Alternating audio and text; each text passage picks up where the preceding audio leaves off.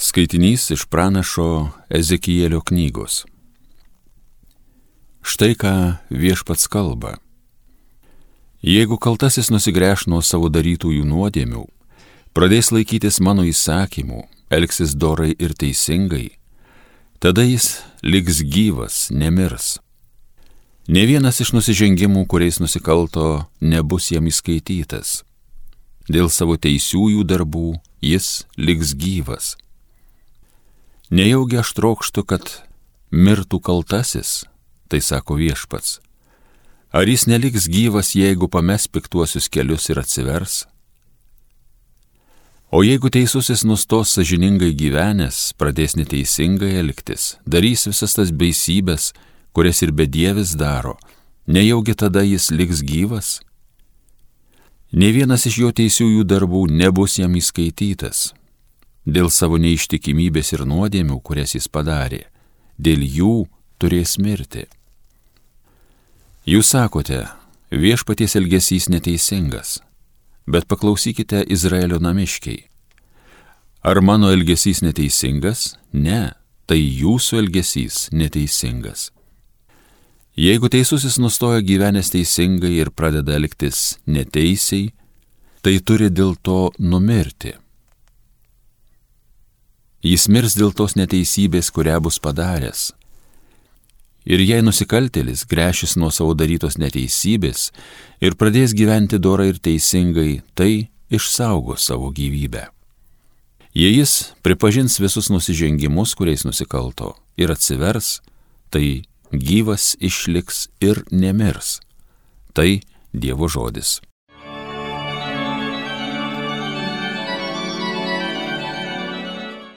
Jie vis nedorybės minėsi viešpatie, viešpatie, kas be galės išsiteisinti. Iš vandenų sietuvos šaukiuos tavęs viešpatie, Dieve išgirsk mano balsą.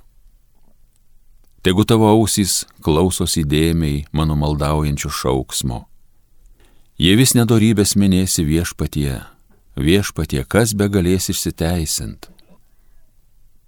Jie vis nedorybės minėsi, kas be galės išsiteisint, betgi tu atleisi kaltybės ir vėl tau tarnausim. Jei vis nedorybės minėsi viešpatie, viešpatie, kas be galės išsiteisint. Dieve, tavy mano viltys, tavo žodžiu pasitikė mano siela, mano siela viešpaties laukia labiau kaip aušros panaktiniai. Labiau kaip aušros panaktiniai, tegu laukia viešpaties Izraelis. Jei vis nedorybės minėsi viešpatie, viešpatie, kas be galės išsiteisint. Juk Dievas yra gailestingas, jis visuomet išvaduoja, jis tikrai savo tautą išgelbės iš visų nedorybių. Jei vis nedorybės minėsi viešpatie, viešpatie, kas be galės išsiteisint. Šlovėtau Kristau, amžinosios garbės karaliau. Nusimeskite visą savo nuodėmę, sako viešpats, ir sukurkite naują savo širdį ir dvasę. Šlovėtau Kristau, amžinosios garbės karaliau. Iš Šventojios Evangelijos pagal Mata. Taigi sakau jums, jeigu teisumu neviršysite rašto aiškintojų ir fariziejų, neįeisite į dangaus karalystę. Jūs esate girdėję, kad protėviams buvo pasakyta, nežudyk, o kas nužudo, turės atsakyti teisme. O aš jums sakau, jei kas pyksta ant savo brolio, turi atsakyti teisme. Kas sako savo broliui pusgalvi, turės stoti prieš aukščiausiojo teismo tarybą. O kas sako beproti, tas smerktinas į pragaro ugnį. Jei neši dovana prie aukuro ir ten prisimeni, jog tavo brolis turi šį tą prieš tave, palik savo atnašą tenai prie aukuro, eik pirmiau susitaikinti su broliu ir tik tada sugrįžęs aukok savo dovaną. Greitai susitark su ieškovu, dar kelyje į teismą, kad ieškovas neįduotų tavęs teisėjui, o teisėjas teismo vykdytojui ir kad tu nepakliūtum į kalėjimą. Iš tiesų sakau tau, neišeisi iš ten, kol neatsiteisi lygi paskutinio skatiko. Tai viešpaties žodis.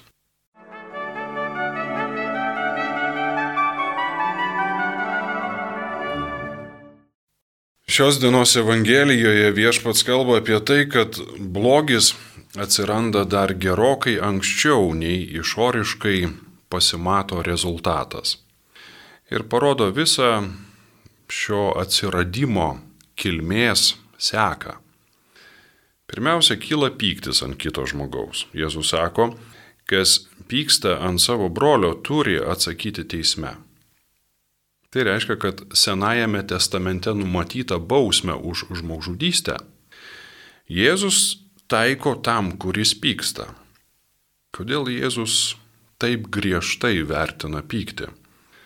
Todėl, kad jis žiūri iš Dievo meilės žmogui perspektyvos.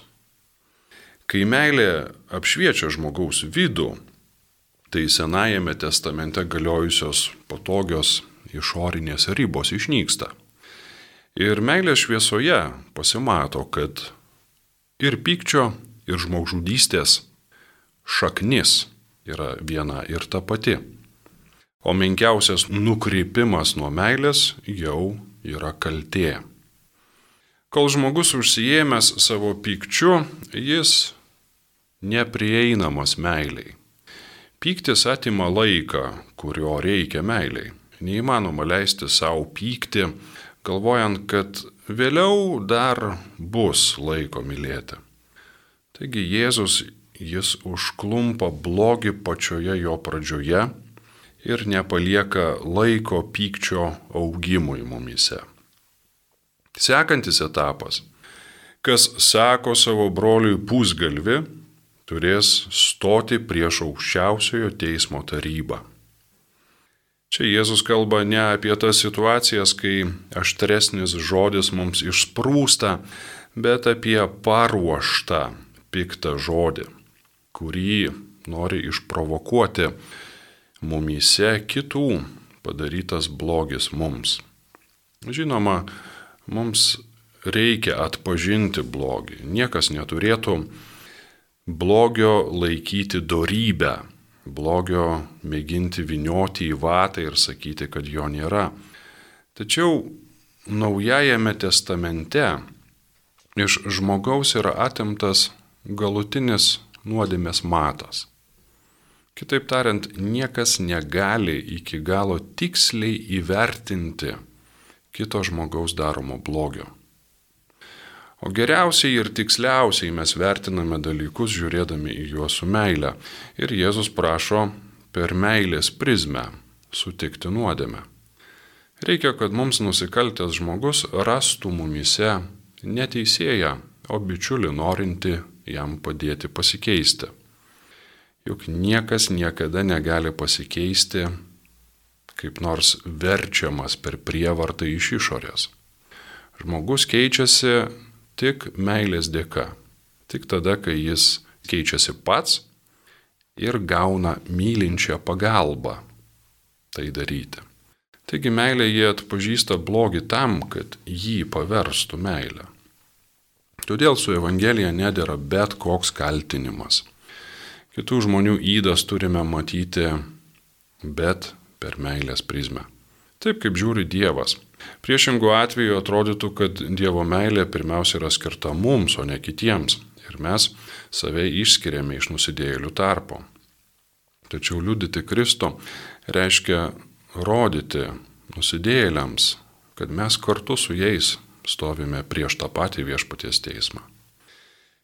Ir galiausiai trečiasis etapas, viešpats sako, kas sako kitam žmogui beproti, tas smerktinas į pragaro ugnį. Vadinti kitą bepročių - tai kaltinti jį netikėjimu. Žinoma, taip pasakyti galėtų tik tai tikinti žmogus. O jeigu tai tikintis, tai pirmiausia jam pačiam galioja viešpaties įsakymai ir ypač meilės įsakymas. Jeigu žmogus mano, kad jo tikėjimas yra toks stiprus, kad jis gali, turi kritikuoti kitų netikėjimą, tuomet jis tai privalo daryti Kristaus parodytų būdu. O viešpaties kartelė, žinome, iškelta labai aukštai. Jis visą save atidavė žmonėms ir sako, kad kaltinimas netikėjimu yra smerktinas į pragaro ugnį. Taigi griežta ir sunki šios dienos evangelija. Tačiau juk viešpats neatėjo tam, kad praplatintų pragaro vartus ir palengvintų patekimą į jį. Jeigu pažiūrėsime atidžiau į tą seką, kurią viešpat sako - teismas, tada aukščiausiojo taryba ir galiausiai pragaro ugnis. Jeigu pažiūrėsime atidžiau ir gavėnios perspektyvoje, netruksime pastebėti, kad pats viešpats praėjo visą šį kelią, šią seką, apie kurią mums kalba šiandien Evangelijoje. Jis turėjo atsakyti teisme, piloto teisme, tada stojo prieš aukščiausiojo tarybą Sinedriono teismą ir buvo pasmerktas į pragaro ugnį. Tai yra dieviškojo apleidimo ugnis, kurią jis patyrė. Ir kai mes savo gyvenime leidžiame vykti tiems etapams, tai yra kilti pykčiui, jo netramdydami, pavadinti kitą žmogų pusgalviu, tai yra pasakyti paruoštą piktą žodį ir galiausiai apkaltinti kitą netikėjimu, tai mes atstovaujame visas tas instancijas, pro kurias perėjo viešpats, kai buvo teisiamas myrio, pro kurias perėjo ir šiandien kasdien pereidinėja jo meilė. Nestabdomas pyktis jau yra teismas mūsų meiliai santykiuose su kitais žmonėmis. Tai, ką Jėzus patyrė piloto teisme. Paruoštas piktas žodis kitam žmogui jau yra aukščiausiojo teismo taryba. Tai yra galutinis meilės pasmerkimas myriop mūsų santykiuose. Tai, ką Jėzus patyrė Sinedriono teisme. Ir galiausiai sakymas beprotė, tai yra kaltinimas netikėjimu.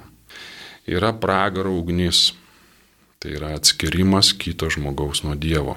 Tai, ką Jėzus patyrė ant kryžiaus.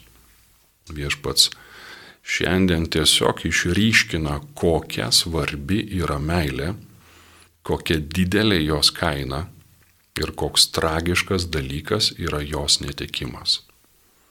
Viešpats rodo, kad net paprasčiausiuose kasdieniniuose santykiuose, nereikšminguose iš pažiūros žodžiuose mes dalyvaujame dangaus karalystėje ir pragare.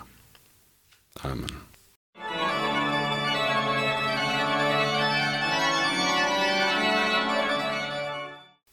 Homilyje sakė brolis Dominikonas, kunigas Bernardas Mindaugas Verbickas.